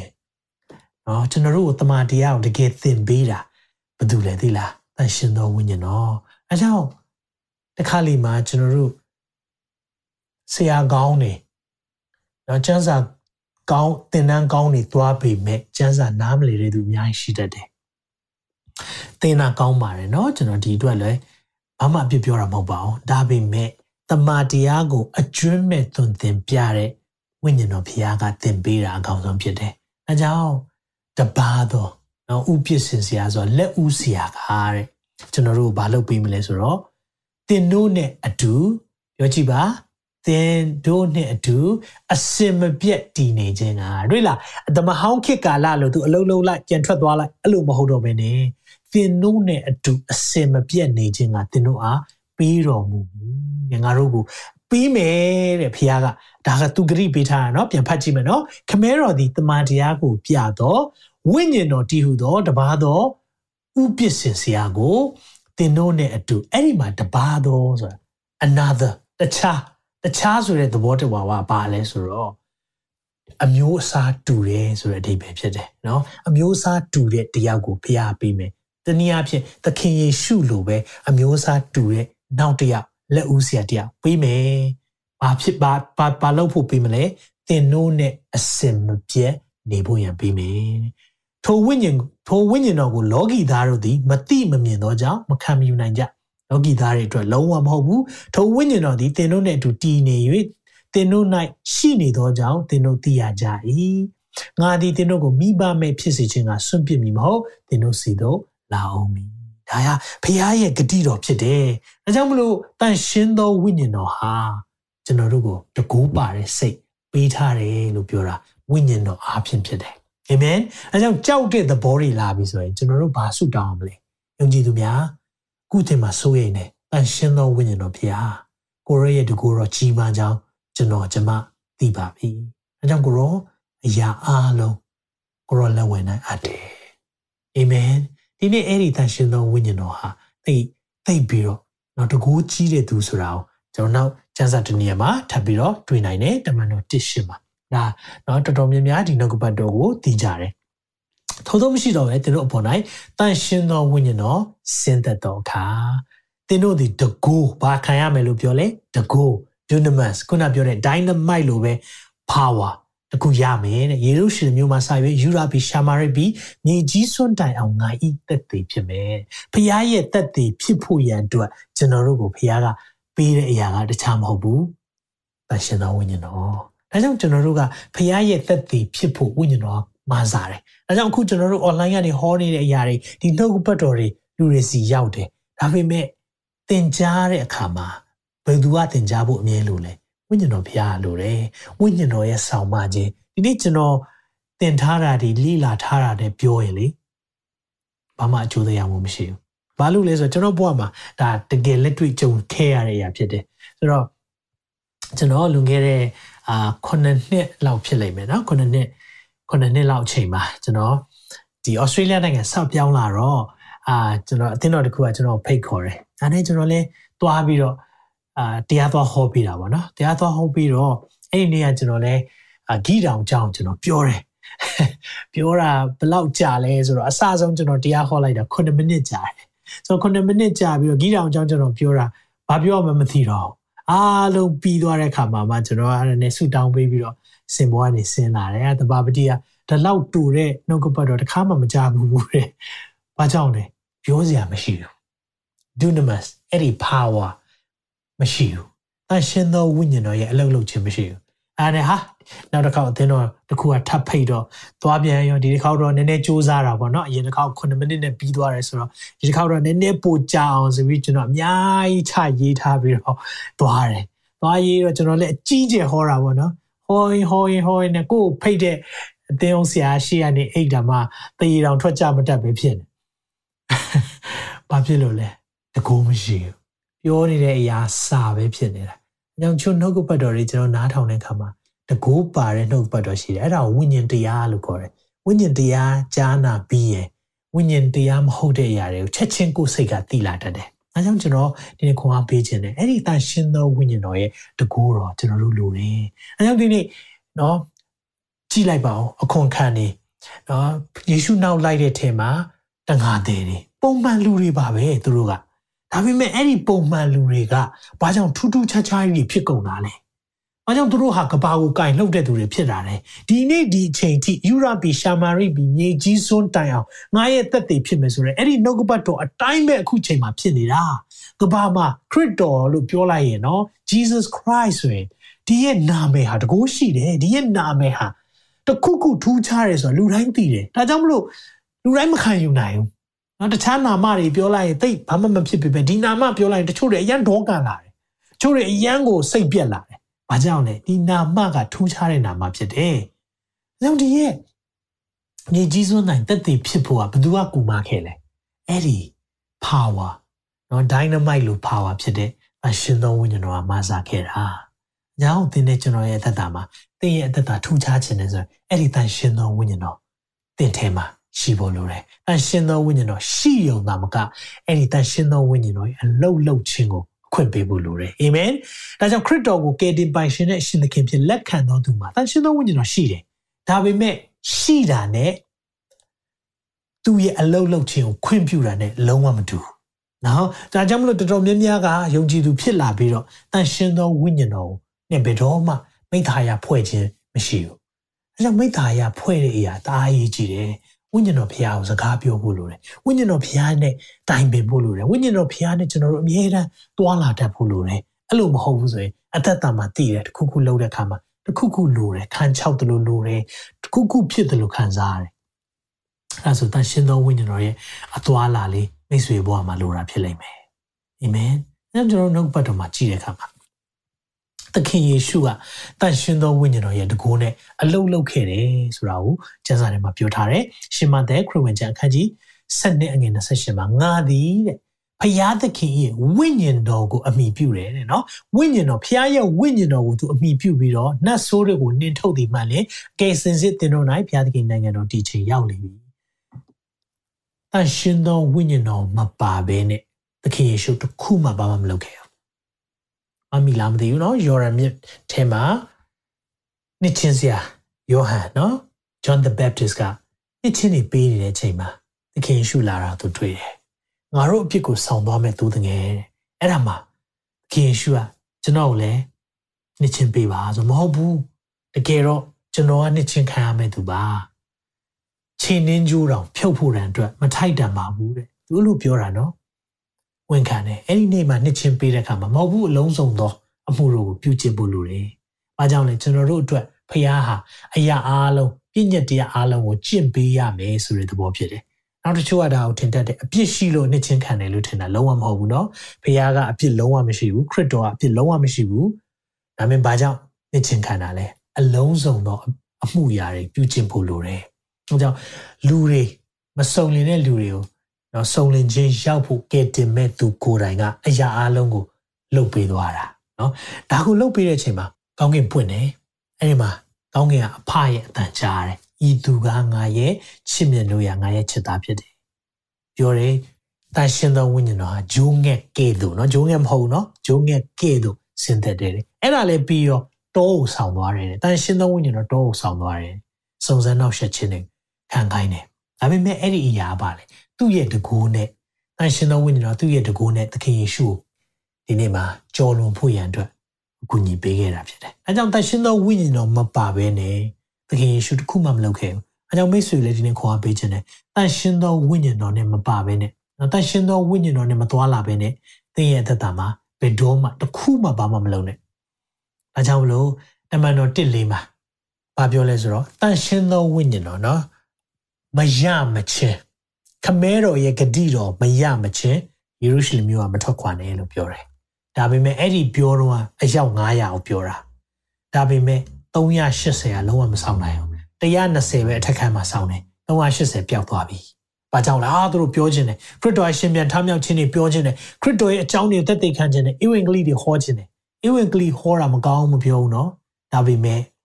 တန်ရှင်းသောဝိညာဉ်တော်တကူမပါဘဲနဲ့380ကဟောနေတာ ဒါပေမဲ့အထက်ခန်းမှာ120တော့ပေတူးကခေါင်းဆောင်တဲ့120အဲ့ဒီ120နမိတ်လက္ခဏာတွေဖြစ်တယ်။တန်ရှင်းသောဝိညာဉ်တော်ဆင်းသက်တဲ့အခါမှာခြားသောဘာသာစကားတွေအမျိုးမျိုးသောဘာသာစကားတွေပြောတယ်။နမိတ်လက္ခဏာတွေဖြစ်တယ်။ညက်ကန်းတွေတွေ့တဲ့အခါမှာပြန်ပြီးတော့မြင်စေတယ်။ပေတူးဆိုသူအရေးကိုလာပြီးထိသွားတဲ့သူတော်မှကြမ်းပါတယ်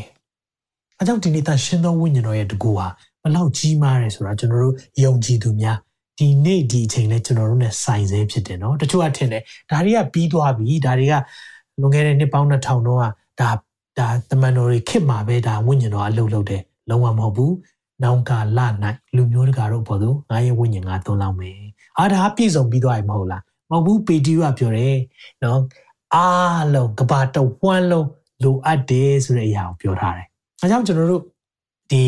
တမန်တော်ဝတ္ထုထဲမှာတွေ့တဲ့အခါမှာမာကြည့်ရ တွေ့ရလဲဆိုတော့နဲ့အငယ်53မှာလူပေါင်းတို့သည်ကြောက်လန့်ခြင်းရှိသည်ဖြစ်၍တမန်တော်တို့သည်များစွာသောနမိတ်လက္ခဏာအဲမှာတကူကိုလည်းပြောတာဖြစ်တယ်များစွာသောနမိတ်လက္ခဏာအံ့ဘွယ်သောအမှုတို့ကိုပြုကြ၏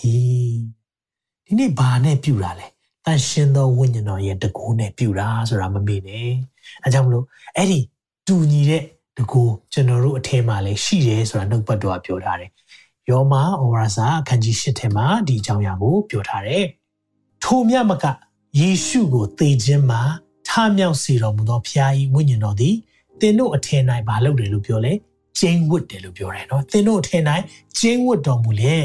ခရစ်တော်ကိုသေခြင်းမှာထမြောက်စေသောဖျားသည်သင်တို့အထင်၌ကျင်းဝတ်သောမိမိဝိညာဉ်တော်အားဖြင့်ဘာအားဖြင့်လဲမိမိဝိညာဉ်တော်အားဖြင့်တည်သက်သောသူတို့ဤကိုယ်ကာယပင်ကိုရောရှင်စေတယ်လူတွေကိုရှင်နိုင်တဲ့တကူ သခင်ယေရှုကိုသာအရှင်တော်ဝိညာဉ်တော်ဟာဒီနေ့ရှင်ပြန်ထမြောက်အောင်မလုပ်ခဲ့ဘူးဆိုဒီနေ့ဒီချိန်ထိအုတ်ဂူထဲမှာရှိနေအောင်ပါတော့အရှင်တော်ဝိညာဉ်တော်ရဲ့တကူနဲ့ထမြောက်သွားတာဒါမဲ့သင်သိလားအဲ့ဒီ the same power that conquer the grave lives in us ယေရှုကိုသေခြင်းမှရှင်ပြန်ထမြောက်တဲ့တကူတော်ကျွန်တော်တို့ထဲမှာလည်းရှိနေတယ်ကျွန်တော်တို့ထဲမှာလည်းရှိနေတယ်မိဆွေဒါအောင်မမေ့နဲ့ အဲကြောင့်ဒီနေ့ဖခင်ဟာကြောက်တတ်တဲ့သဘောကိုမပေးဘူးတကိုးပါတဲ့စိတ်ချစ်တတ်သောစိတ်ရှင်းလင်းသောစိတ်အဲ့ဒီတကိုးပါတဲ့စိတ်ဆိုတာအရှင်းသောဝိညာဉ်တော်အဖြစ်ကျွန်တော်တို့ကိုပေးရရာဝိညာဉ်တော်ကြီးဒီထဲမှာဖခင်ကြီးကျွန်တော်တို့ထဲမှာရှိနေတာဘာကြောက်တာလဲအားဆရာရဲ့ကျမတို့ကခွန်အားနေတယ်ခုဖြစ်ပြနေတဲ့အခါမှာကျွန်တော်တို့ကခွန်အားနေတယ်မနဲ့အဲ့ဒီခွန်အားနေတဲ့အချိန်မှာပင်လဲကဲမှားတဲ့အရာဖြစ်တယ်ဆိုတော့နှုတ်ဘတ်တော်တွေမှာကျွန်တော်တို့ တတွေ့ရတယ်။ဘာပြောထားလဲဆိုတော့ Corinth to Ora စာဒုတိယဆောင်ခန်းကြီး7ထဲမှာငယ်ကိုမှာ My grace is sufficient ငါဂျေဇုဒီသင်ဖို့လောက်ပြီအဲ့ဒီမှာဘာပြောလဲငါတကူတဲ့ဖခင်ရဲ့ဂျေဇုတော်ဆိုတာတကူနော်ငါတကူသည်အားနေခြင်းအဖြစ်၌စုံလင်နေသင်အားနေနေလားစုံလင်ဖို့ကလေဖခင်တကူလိုတာထို့ကြောင့်ခရစ်တော်သည်ခရစ်တော်၏တကူသည်ငါအပေါ်၌ကျင်းဝတ်မိအကြောင်းငါ ငါကိုယ်၌အားနေခြင်းအဖြစ်ကိုဝမ်းမြောက်သောစိတ်နဲ့ဝါကြွားခြင်းကသာငါလိုရှိတယ်။ तू ဘာကိုပြောချင်တာလဲ။ तू ပြောချင်တဲ့ဟာအောက်မှာဆက်ရှင်ထားတယ်။တို့ဖြစ်ခရစ်တော်ကြောင့်ခံရသောအားနေခြင်းเนาะခရစ်တော်ကြောင့်ခံရတာเนาะကိုဟာကိုမစင်ချင်လို့အားနေတာမဟုတ်ဘူး။ကိုဟာကိုအပြောမစင်ချင်လို့ဖြစ်တဲ့ကိစ္စမဟုတ်ဘူး။ကဲ့ရဲ့ခြင်းဆင်းရဲခြင်းနှိပ်စက်ညှင်းဆဲနှိပ်စက်ခြင်းကြက်တဲဆိုသောဒုက္ခဝေဒနာအဲ့ဒါဘာဘယ်သူကြောင့်ခံရတယ်လို့ပြောလဲခရစ်တော်ကြောင့်ခံရတဲ့အရာကိုတဲ့ ငါနှစ်သက်တယ်ရှင်ပေါလုကဘာလို့နှစ်သက်တာလဲအကြောင်းမူကငါသည်အားနေသောအခါတကူးနဲ့ပြည့်စုံတယ်ကြည့်အောင်နော်ဘာကိုပြောလိုက်တာလဲဖခင်ရဲ့တကူငါထဲမှာရှိလို့ငါခံနိုင်တာဖခင်ရဲ့တကူငါထဲမှာရှိလို့ငါဒီနေ့ရက်တည်နိုင်တာဒါကြောင့်လေငါအတွက်ဂျေဇုတော်လုံလောက်တယ်မိတ်ဆွေကျွန်တော်တို့လည်းအဲ့လိုဝန်ခံမှုဖြစ်တယ်အခုချိန်မှာကျွန်တော်အားနေတယ်ယုံကြည်သူတွေမြန်မာပြည်ကယုံကြည်သူတွေအရင်အားနေပြီးတော့အားပြက်နေတဲ့အချိန်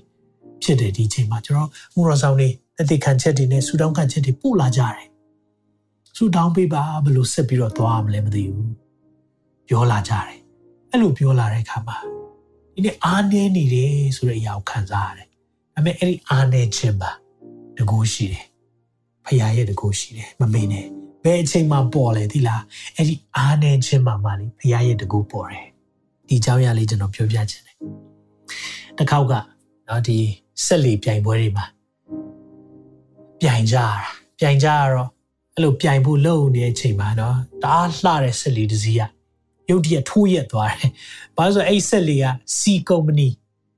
စီကုမ္ပဏီကိုကိုစားပြုတဲ့ဆက်လီ။ဒါပေမဲ့ရုတ်တရက်ထိုးရက်သွားတော့အားလုံးကကြောင်သွားတာပေါ့။ဟာဘာဖြစ်တာလဲမသိဘူးဆိုတော့အိချာစစ်ဆေးလိုက်တော့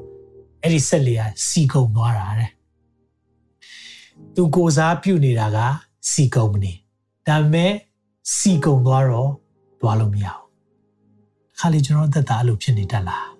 ဖြစ်နေတတ်တယ်ကျွန်တော်တို့ကိုစားပြုတာအမြင့်ဆုံးသောဘုရားအနန္တတကုရှင်ဘုရားစัจ java ကိုဖန်ဆင်းတဲ့ဘုရားဒါဆိုရင်ကျွန်တော်တို့ဘာကြောင့်မလို့စီကုံနေတာလဲအရှင်သောဝိညာဉ်တော်နဲ့သွားဖို့လိုတယ်အရှင်သောဝိညာဉ်တော်နဲ့ကျွန်တော်ရဲ့သက်တာမိသားရဖွဲ့ဖို့လိုတယ်အဲ့ဒီဝိညာဉ်တော်ကလေ င့်အားနေတဲ့အချိန်တင့်ဘဝမှာအောက်ဆုံးချိန်တွေရောက်သွားရင်တော့ကြေမာတဲ့သူဖြစ်တယ်။လုံးဝလူတွေကတင့်ကိုမကြည့်ရှုချင်တော့ဘူးထားခဲ့တဲ့အချိန်မှာကြေမာတဲ့ဖရာအိတ်တန်ရှင်သောဝိညာဉ်တော်ဖြစ်တယ်။ကျွန်တော်ဘဝရဲ့တသက်ခံချက်တစ်ခုနဲ့ကျွန်တော်ဆုံးသက်ခြင်းတယ်။ကျွန်တော်တို့2019မှာကျွန်တော်တို့ Queensland ပြည်နယ်ကိုပြောင်းလာတယ်။ပြောင်းလာတဲ့အခါမှာကျွန်တော်တို့မှာရွယ်ချက်တွေမျောလင်းချက်တွေအများကြီးနဲ့ကျွန်တော်ရောက်လာကြတယ် ဒါပေမဲ့2020မှာမထင်မှတ်တဲ့အရာတွေအများကြီးဖြစ်တယ်။ COVID ဖြစ်တယ်။ဒါလည်းကောင်းပဲ။ကိုကြီးကိုယုံကြည်စိတ်ထားမယ်လို့ထင်ထားတဲ့သူတွေရဲ့သက်စာပေါက်ခြင်းခံရတဲ့အခါမှာကျွန်တော်မှုတော်မြတ်ကိုဆက်သွားဖို့ရန်အတွက်အားမရှိတော့ဘဝကိုရှုံးပေးခြင်းလာတယ်။သူတို့ပြင်ကျွန်တော်အမှုတော်မြတ်နဲ့ပတ်သက်ပြီးတော့မသွားခြင်းတော့အာဒီလိုဆိုရင်တော့ငါဘလို့မှသွားနိုင်တော့မှာမဟုတ်ဘူး။အဲ့လိုဖြစ်ပြီးတော့ကျွန်တော်တို့အရင်အားငယ်ပြီးတော့ဖြစ်နေတဲ့အချိန်မှာဝိညာဉ်တော်ဖျားပါပြောလဲဆို ငါဂျေဇုဟာသင်ဖို့လောက်တယ်ဆိုရင်ထပါငါအကြောင်းပြောပါကျွန်တော်အဲ့ဒီအချိန်မှာတရားမဟောခြင်းဘာလို့လဲဆိုတော့တရားသူများတရားဟောတာကိုပဲခံယူခြင်းတဲ့အချိန်ဖြစ်တယ်အဲ့ဒီအချိန်မှာကျွန်တော်သူများကိုယ်ခွန်အားပေးနေတဲ့အရာကိုပဲခံယူခြင်းတယ်ကိုကြုံလာတဲ့အရာပေါ်မှာဘုရားချမ်းစီရှိတယ်စိတ်ဓာတ်မကြနဲ့ဘုရားမဆမယ်အဲ့လိုကြားခြင်းတယ်ဒါပေမဲ့ဖះကကျွန်တော်တို့ကိုလှုပ်စီတာကကြတော့ သူ့တပားကိုအားပေးပါတဲ့ဟာကိုရောကျွန်တော်ဘယ်လိုလုပ်အားပေးနိုင်မှာလဲကျွန်တော်အားတော်မရှိဘူးအားပြက်ပြီးတော့ကျွန်တော်လဲနေပြီအဲ့ဒီချိန်မှာဖះကျွန်တော်ဒီနောက်ပတ်တော်နေမစကားပြောတာ let the weak say i am strong အားနေရဆိုရင်အစွမ်းစားရှိတဲ့ဖြစ်ပြီဆိုတာခံယူပါရှင်ပေါလုပြောသလိုပဲခရစ်တော်ကြောင့်ခံရတဲ့ဆင်းရဲဒုက္ခခြင်းတွေ ရှိတဲ့အခါမှာဝမ်းမြောက်စရာပဲအဲ့ဒီချိန်မှာ okay ကိုတော့ပြောပြီဆိုတော့လေလောက်ရမယ်လောက်ရမယ်ဆိုပြီးတော့ကျွန်တော်ဘာအကြောင်းစဟောလဲအရှင်တော်ဝိညာဉ်တော်အကြောင်းခုနှစ်ညဆက်တိုက်ကျွန်တော် revival service ဆိုပြီးတော့လုပ်တယ်တကယ်တော့ revival လိုနေတာအဲ့တော့ကျွန်တော်တို့ကတအားလိုနေတာကျွန်တော်ဘဝမှာအရန်ကို revive ပြန်လဲနိုးထဖို့လိုနေတာ မိတ်ဆွေလူကတော့လူပဲเนาะလူတွေကတော့ချီမွန်9ရက်ကဲရက်9ရက်မြေနှိပ်ရမှာလန်ဆိုင်ခြင်းတယ်မြဲတမ်းကို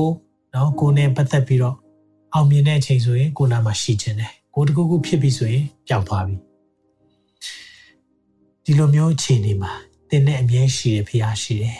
အဲ့ဒီဖခင်ကတော့ယေရှုခရစ်တော်ဖြစ်တယ်သူ့ရဲ့ဝိညာဉ်ဖြစ်တဲ့တန်ရှင်းသောဝိညာဉ်တော်ကျွန်တော်တို့ကိုတကူပေးတယ် အဲ့ဒီတကူကပါလေဒီလားဒီနေ့ကျွန်တော်တို့ဒီမြန်မာ worship ရဲ့ဒီရဲ့ online အမှုတော်ဆောင်ခြင်းအဲ့ဒီအချိန်မှာပြန်ပြီးဖြစ်လာတာကျွန်တော်တို့ခွန်အားနဲ့တော့လုံးဝမဟုတ်တော့အဲ့ဒီအချိန်မှာကျွန်တော်တို့စွမ်းဆောင်နိုင်မှုလုံးဝမဟုတ်တော့ online မှာကျွန်တော်တို့ဟောပြောဖို့အချိန်ကိုကျွန်တော်တို့စူးစမ်းပြီးမနေ့အားယူပြီးလာတယ်။အမေအဲ့ဒီအချိန်မှာတန်ရှင်းသောဝိညာဉ်တော်စကားသူ့ရဲ့စကားတွေဖြစ်တဲ့အခါမှာစပြောတဲ့အခါမှာလူတွေက အာနှုတ်ကပတ်တော်အဖြစ်ခွန်အားရတယ်။သူတစ်ပါးကိုရေလောင်းတဲ့သူဟာကိုယ်တိုင်ရေလောင်းခြင်းခံရမယ်။အဲ့ဒီအချိန်မှာဘာပြန်ဖြစ်လာလဲဆိုတော့ခွန်အားပြန်တက်လာတယ်။သူများခွန်အားမရှိဘဲနဲ့ခွန်အားပေးတာ။ဒါပေမဲ့ကိုယ်ခွန်အားနဲ့ပေးတာလုံးဝမဟုတ်တော့ဘူး။တန်ရှင်းသောဝိညာဉ်တော်ရဲ့တကူအဲ့ဒီ dunamis dynamite လိုမျိုးခွန်အားပေးရလာလေအားနေတဲ့အချိန်မှာလာတယ်အဲကြောင့်ကျွန်တော်မြန်မာပြည်သူပြည်သားများကိုထူးပဲခွန်အားပေးခြင်းတယ်ခုချိန်မှာ အရန်အားငယ်ပြီးစိတ်ဓာတ်ကျနေပြီးတော့လုံးဝတချို့ကျွန်တော်စာရေးလာတယ်ဆရာကိုကိုသတ်သိရှင်တယ်မလုပ်ပါနဲ့ဒါစာတန်ရဲ့လှည့်ကွက်တွေဖြစ်တယ်ကြောက်တတ်တဲ့စိတ်ကနေဖြစ်လာတာ depression တွေ suicidal thoughts နော်ကိုကိုစီအဆုံးစီရင်ခြင်းတဲ့စိတ်တွေဖြစ်လာတယ်ငါတို့တော့သွားပြီးငါတို့ရဲ့အနာဂတ်တွေပျောက်ပြီး no let the weak say i am strong ခွန်အားနည်းသူ စွမ်းရှိပြီလို့ဝန်ခံပါအောင် comment ထဲမှာခွန်အားနည်းသူအစွမ်းရှိပြီကျွန်ုပ်ခွန်အားနည်းခြင်းအရာမှာသခင်ရဲ့ခွန်အားရှိပြီ hallelujah ကျွန်တော်တို့ခွန်အားနည်းကောင်းနည်းလိမ့်မယ်ဒါပေမဲ့အဲ့ဒီခွန်အားနည်းတဲ့အချိန်မှာအရှင်သောဝိညာဉ်တော်ကကျွန်တော်တို့ကိုစောင့်ပါတယ်ဒါပေမဲ့မိတ်ဆွေ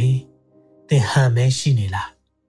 power source နဲ့เนาะကျွန်တော်တို့ plug ကြိုးပြုတ်နေတယ်ဆိုရင်တော့သင်ဘာမှလုပ်လို့မရအောင်ဟိတ်ဟန်တစ်ခုနဲ့တော့သွားလို့ရနိုင်မယ် ဟိတ်ဟန်တစ်ခုနဲ့တော့သင်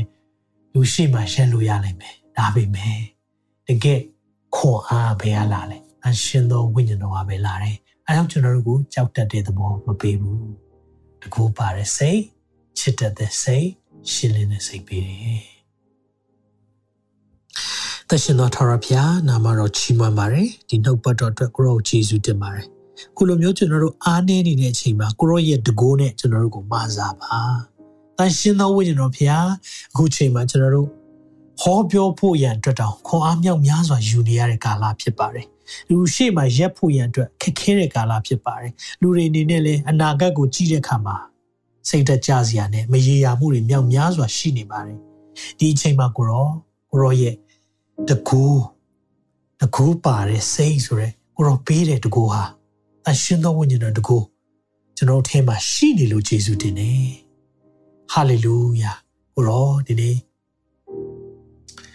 ယေရှုခရစ်တော်ကိုသေခြင်းမှရှင်ပြန်ထမြောက်စေတဲ့တကူတော်ဖြစ်တယ်တန်ရှင်သောဝိညာဉ်တော်တကူကျွန်တော်တို့ထဲမှာလည်းရှိနေတယ်ဆိုတော့ဒီနေ့ဒီနေ့ညမှာပြန်လည်၍ခွန်အားဖြစ်စေလို့ယေရှုတင်တယ်အဲကြောင့်ကိုရောဒီနေ့လဲနေတဲ့သူများကိုကိုရောတကူအဖြစ်ထူမစေပါဒီနောက်ဘတ်တော်ကြားတဲ့အခါမှာသူတို့တခါမှမကြံစီထားဘဲနဲ့တခါမှမကြုံဘူးတဲ့ကိုရောရဲ့တိုးထီခြင်းခံစားစေပါ တန်ရှင်သောဝိညာဉ်တော်ဘုရားကိုရောကိုနေရာပေးတယ်ကြိုးဆိုပါရယ်တန်ရှင်သောဝိညာဉ်တော်ဘုရားကိုရောရဲ့မဆာခြင်းကိုတောင်းခံပါရယ်ရင်များကိုလက်ဆွန်းဖြစ်ချင်အိုးကင်ထားတဲ့သူမိုးကောင်းကင်ကိုလက်ဖွားနဲ့တိုင်းတာအောင်တကိုးကြီးတဲ့ဘုရားဒီနေ့ကျွန်တော်တို့ကိုမိခင်တဲ့ပွဲချစ်တဲ့ဖခင်ဖြစ်တယ်ဆိုတာကိုလည်းသိစေလို့ယေရှုတင်တယ်။မိဘမဲ့ကဲ့သို့ဆွန့်ပစ်မထားတဲ့ဖခင် ဒီနေ့ညမှာကျွန်တော်တို့ရဲ့ငိုကြွေးတဲ့အရာတွေကျွန်တော်တို့ရဲ့ခံစားတဲ့အရာအားလုံးမှာကိုရောရဲ့တကူအဖြစ်ပြန်လေလန်းဆန်းစေပါ။ယုံကြည်သူများပြန်လေကိုရောဝိညာဉ်တော်တကူအဖြစ်ပြန်လေရဲ့အသက်တာမှာထူးခြားစေပါမနေ့ဖြင့်ကိုရင်ဆိုင်ဖို့ရန်ခွန်အားတွေချိနေနေခြင်းကနေမနေ့ဖြင့်ကိုပိုင်တဲ့အရှင်သခင်ကိုရခြင်းအဖြစ်မစိုးရိမ်နဲ့လို့ကိုရောပြောတဲ့အရာအသက်တာမှာ ရီမာတကယ်ကိုကိုရောအဲ့ဒီစကလုံးအားလုံးဟာအသက်တာမှာဘဝဖြစ်သွားဖို့ရန်အတွက်ဝိညာဉ်တော်ဖျားခုချိန်မှာတူထီပါယေရှုတင်တယ်ခံယူနေတဲ့သားသမီးကြီးဆုံးပါအငယ်ဆုံးရောတန်ရှင်တော်ဝိညာဉ်တော်ရဲ့ထီတွေ့ခြင်းတန်ရှင်သောဝိညာဉ်တော်ရဲ့မဆာခြင်းတန်ရှင်သောဝိညာဉ်တော်ရဲ့အတူရှိခြင်းခုချိန်မှာခံစားစေပါ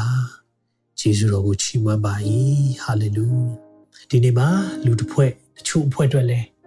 ခွင့်ရေးပေးခြင်းတယ်အဲ့ဒီကျွန်တော်တို့ပြောနေတဲ့တန်ရှင်သောဝိညာဉ်တော်တကူသိရှိတယ်ဆိုတဲ့တန်ရှင်သောဝိညာဉ်တော်ဘယ်လိုရနိုင်မလဲကျွန်တော်သက်တာကျမသက်တာရနိုင်ဖို့ရန်အတွက်နည်းလမ်းတစ်ခုပဲရှိတယ်သခင်ယေရှုဖခင်ကိုကယ်တင်ပိုင်ရှင်တဲ့အရှင်သခင်ဖြစ်လက်ခံပါကယ်တင်ခြင်းရတဲ့အခါကျရင်သင်ရဲ့သက်တာမှာအဲ့ဒီတကူဟာတွဲပြီးတော့ပါလာတယ်။ကြောင့်သခင်ဖျားကိုဒီအသက်တာအနံ့ခြင်းနဲ့ဆိုကျွန်တော်ဆူတောင်းပေးခြင်းနဲ့ကျွန်တော်နောက်ကနေယေရှုပြည့်လိုက်ဆိုပေးပါ ကျွန်တော်စကလုံးဖြစ်ပေမဲ့သင်ရဲ့စကလုံးကဲ့သို့ခံယူလျက်နှလုံးသားအကျွင့်မဲ့နဲ့ကျွန်တော်နောက်ကလိုက်ဆိုမယ်ဆိုရင်သင်ကျွန်တော်အခုပြောနေတဲ့တကူပါတဲ့စိတ်ဆိုတဲ့အရှင်သောဝိညာဉ်တော်ရဲ့တကူတော့ကျွန်တော်ထဲမှာလေဖျားပေးခြင်းနဲ့ဒါကြောင့်မလို့ခွင့်ရပေးခြင်းနဲ့ကျွန်တော်ဆူတောင်းပေးမယ်။ရဲ့သက်တာမှာတန်ရှင်သောဝိညာဉ်တော်ရဲ့မာစာခြင်းနဲ့တူခရစ်တော်ကိုကယ်တင်ပါရှင်နဲ့အရှင်သခင်ဖြစ်လက်ခံခြင်းနဲ့ဆိုရင်တော့ဒီနေရာကနေကျွန်တော်ဆူတောင်းတာကိုလိုက်ဆိုပေးပါ။ ကောင်းကင်ဘုံ၌ရှိသောအဖကျွန်ုပ်ဟာပြစ်သားဖြစ်ပါတယ်။နေရဲကိုသွားရမယ်သူပါ။သို့ပေမဲ့လည်းဖခမဲတော်ရဲ့တစ်ဖက်သက်မြတ်တာကြောင့်ကျွန်ုပ်ကိုသခင်ယေရှုအားဖြင့်လဝါကားတိုင်းမှာအပြစ်ကြွေးဆက်ပြီးကယ်တင်ပေးခဲ့လို့ယေရှုတင်ပါတယ်ကျွန်ုပ်အပြစ်အားလုံးအတွက်နောင်တရလျက် အပြစ်ဝင်ချတောင်းပန်ပါတယ်ခင်ယေရှုဖျားဝင်လို့ပေးပါအရှင်တော်ဝိညာဉ်တော်ဖျားသခင်ယေရှုကိုသေခြင်းမှာထမြောက်စေတဲ့တကူတော့ကျွန်ုပ်ဘဝကိုဒီနေ့ကစပြီးအုပ်ဆိုးဖို့ရန်အတွက်ကျွန်တော်သက်တာကိုအနံပါတယ်လမ်းပြပို့ဆောင်ပါသခင်ယေရှုနာမ၌ဆုတောင်းပါ၏ အာမင်အာမင်မိတ်ဆွေဒီဆုတောင်းချက်တောင်းနေဆိုရင်တော့သင်ဟာဒီနေ့မှာကယ်တင်ခြင်းရတော်နေဖြစ်တယ်လို့အဲဒီကျွန်တော်တို့ခုနဒီရဲ့တောက်လျှောက်ပြောခဲ့တဲ့အရှင်သောဝိညာဉ်တော်ရဲ့တကူကိုလည်းရတော်နေဖြစ်တယ်သင်ရဲ့သက်တာထူးခြားလိမ့်မယ်သင်ရဲ့သက်တာမှာမကြော်လွှားနိုင်တဲ့အရာအလုံးဖခင်ရဲ့တကူနဲ့ကြော်လွှားနိုင်လာနိုင်မယ်ဟာလေလုယာမပြတ်နိုင်ခဲ့တဲ့မူရစေဝါတွေမကြည့်ပဲမနေနိုင်တဲ့ညဉ့်ညမ်းရုပ်ရှင်တွေ ဖခင်ရဲ့တကူအပြင်ဒီနေ့ညမှာကြော်လွှားနိုင်လိမ့်မယ်ဟာလေလုယာနှလုံးသားအသက်ဖခင်ပေးမယ်နှလုံးသားအသက်နဲ့လူမီဒီကခရစ်တော်၌ရှိလေအသက်ပြုပြင်တဲ့တန်တော်ဖြစ်၏ဟောင်းတဲ့အရာပြောင်းလဲ၍ခတ်သိမ်းသောအရာအသက်ဖြစ်တယ်သင်ပေါ်အသက်စားတဲ့နေ့ဖြစ်တယ်အဲကြောင့်မလို့ဖခင်ကသင်ကိုဆက်လက်ပြီးလမ်းပြပို့ဆောင်ပါစေ တင်ခုလိုနာဆင်ခွန်အားနိုင်ခြင်းဟာမြန်မာ Worship Ministry ကိုလာဆင်ပန်ပိုးနေကြတဲ့ Kingdom Partners များအကြောင်းဖြစ်ပါတယ်။ဖခင်နိုင်ငံတော်ကျယ်ပြန့်ရေးအတွက်လာဆင်ပေးကမ်းပောင်းဖို့ရန်ဖိတ်ခေါ်လိုပါတယ်ရှင်။